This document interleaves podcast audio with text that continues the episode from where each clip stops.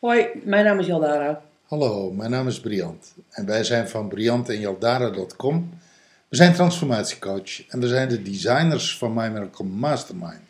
En vandaag willen we het met je hebben over het fenomeen waarom dat je geen waarom vragen mag stellen. En waarom niet? Ja, precies. Waarom niet? Ik zal je vertellen. Ehm, in communicatie eh, met elkaar ehm, zijn heel veel mensen geneigd om te vragen waarom is dat? Dus als ik jou, ehm, eh, dus als jij, ik noem het iets, als je te laat in huis bent gekomen, dat is een heel raar voorbeeld in ons geval, dat ik dan zou vragen van waarom ben je te laat? Wat ga je dan doen? Nou, dat zal ik je zeggen. Ehm, als dat een issue zou zijn, zou ik me daar waarschijnlijk schuldig over voelen. Ja?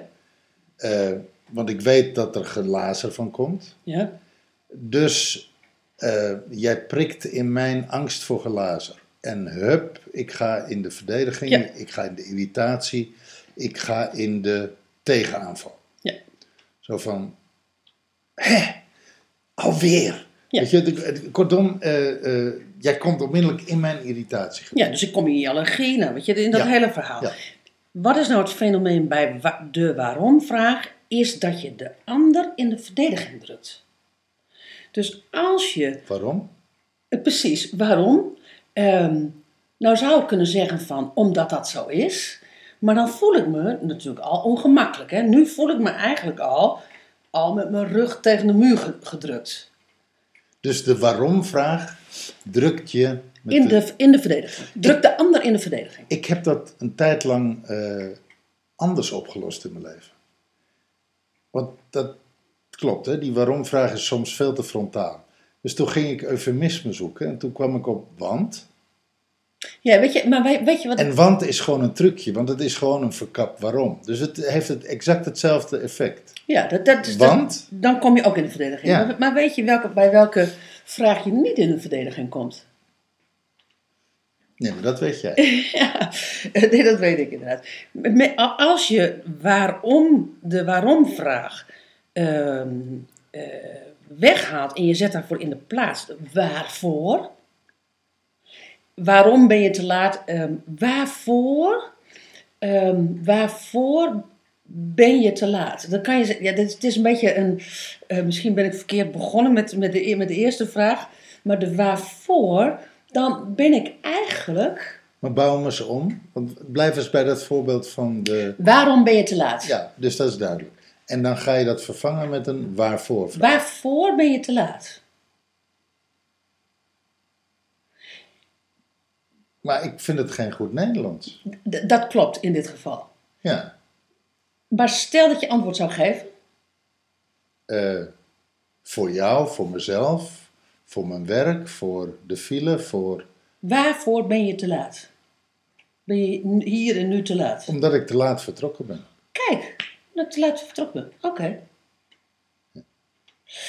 Dat geeft, dus je geeft eigenlijk gewoon antwoord. Terwijl als ik zeg van waarom ben je te laat, heb je, dan, dan zeg je van...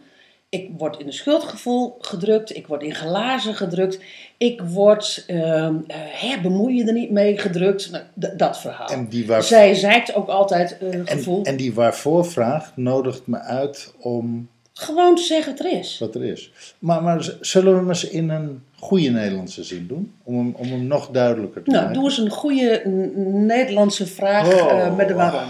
Wacht eens even. Eh, waarom, waarom, waarom, waarom, waarom, waarom? Je kan als je op je werk een waarom-vraag stelt. Waarom, eh, Moet ik dat altijd doen? Waarom moet ik dat altijd doen? waarom moet ik dat altijd doen? Als, je, als jij mij dat vraagt en ik ben bijvoorbeeld jouw manager, dan, ehm, eh, dan zeg ik van, nou ja, weet je, dat is gewoon jouw baan, dat is gewoon jouw functie, weet je. En eigenlijk denk ik van, nou ja, wat zit, wat, wat, wat zit je nou te horen? Je? Want, want, nou, en dan komt er, dus er komt een... Dus, dus eigenlijk iedere waarom heeft automatisch een want. Nou ja, dat hoeft, dat, ja dat, dat, dat, dat- die kans zit er wel in. Maar die, maar die waarom-vraag roept direct heel veel emotie op. Roept een beetje gedoe-emotie op. Ja. Terwijl als jij diezelfde vraag zou stellen met waarvoor, doe dat eens. Waarvoor moet ik dat altijd doen? Waarvoor moet ik dat altijd? Dan ga ik dus als manager zeggen: oké, waarvoor, waarvoor moet jij dat doen? Dan, en dan ga ik, dan, ga, dan moet ik al dus gaan wikken en wegen. Dan moet ik al gaan kijken van oké, wat voor functie heb jij? Eh, wat voor talenten heb jij? Wat voor passies heb jij? Omdat, omdat jij het beste, het snelste, het makkelijkste kan. Precies. Dus, dus stel dat ik dat zou zeggen, omdat jij dat het beste, het snelste, het makkelijkste kan, dan krijg jij natuurlijk een totaal ander antwoord. Als van, ja, nou ja, weet je, het is gewoon jouw functie. Hey, en is, dat, is die waarvoor tegenvraag de enige, eh, de enige, het enige woord wat wa- waarom vervangt?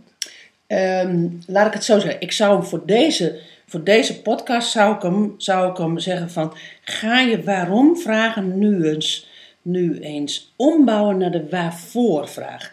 Want je kan je voorstellen dat de waarom vraag er ook net iets anders gesteld wordt als de waarvoor vraag. Al is het alleen maar omdat het een andere zin is. Wil je nog een concreter antwoord, dan kan je ook nog zeggen van waarvoor moet ik dat met name doen? Dus dat je met name ertussen zet. Want wat je krijgt is dat je namelijk door de waarvoor, puntje, puntje, en dan met name.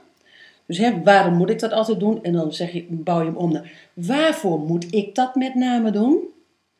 Want je gaat namelijk in de waarvoorvraag niet zeggen van waarvoor moet ik dat altijd doen? Dat, dat is in die waarvoorvraag is dat niet zo likely, om het maar even zo te zeggen. En in de waarom-vraag stel je hem wel. Is het niet eigenlijk meer waarvoor wil je dat ik het doe? Waarom, waarvoor wil je dat ik dat altijd doe? Dat zou kunnen. Maar als, je dus, maar als je dus een heel specifiek antwoord wil, kan je daar dus ook nog met name tussen zetten. En dan zeg je, waarvoor wil je dat ik, waarvoor wil je dat ik dat met name doe? En dan gaat degene die jou een antwoord moet, eh, moet geven, hè, die, die je hebt uitgenodigd het antwoord te geven, die moet dus ook even bij zichzelf te raden gaan van, ja, waarvoor wil ik dat hij dat met name doet?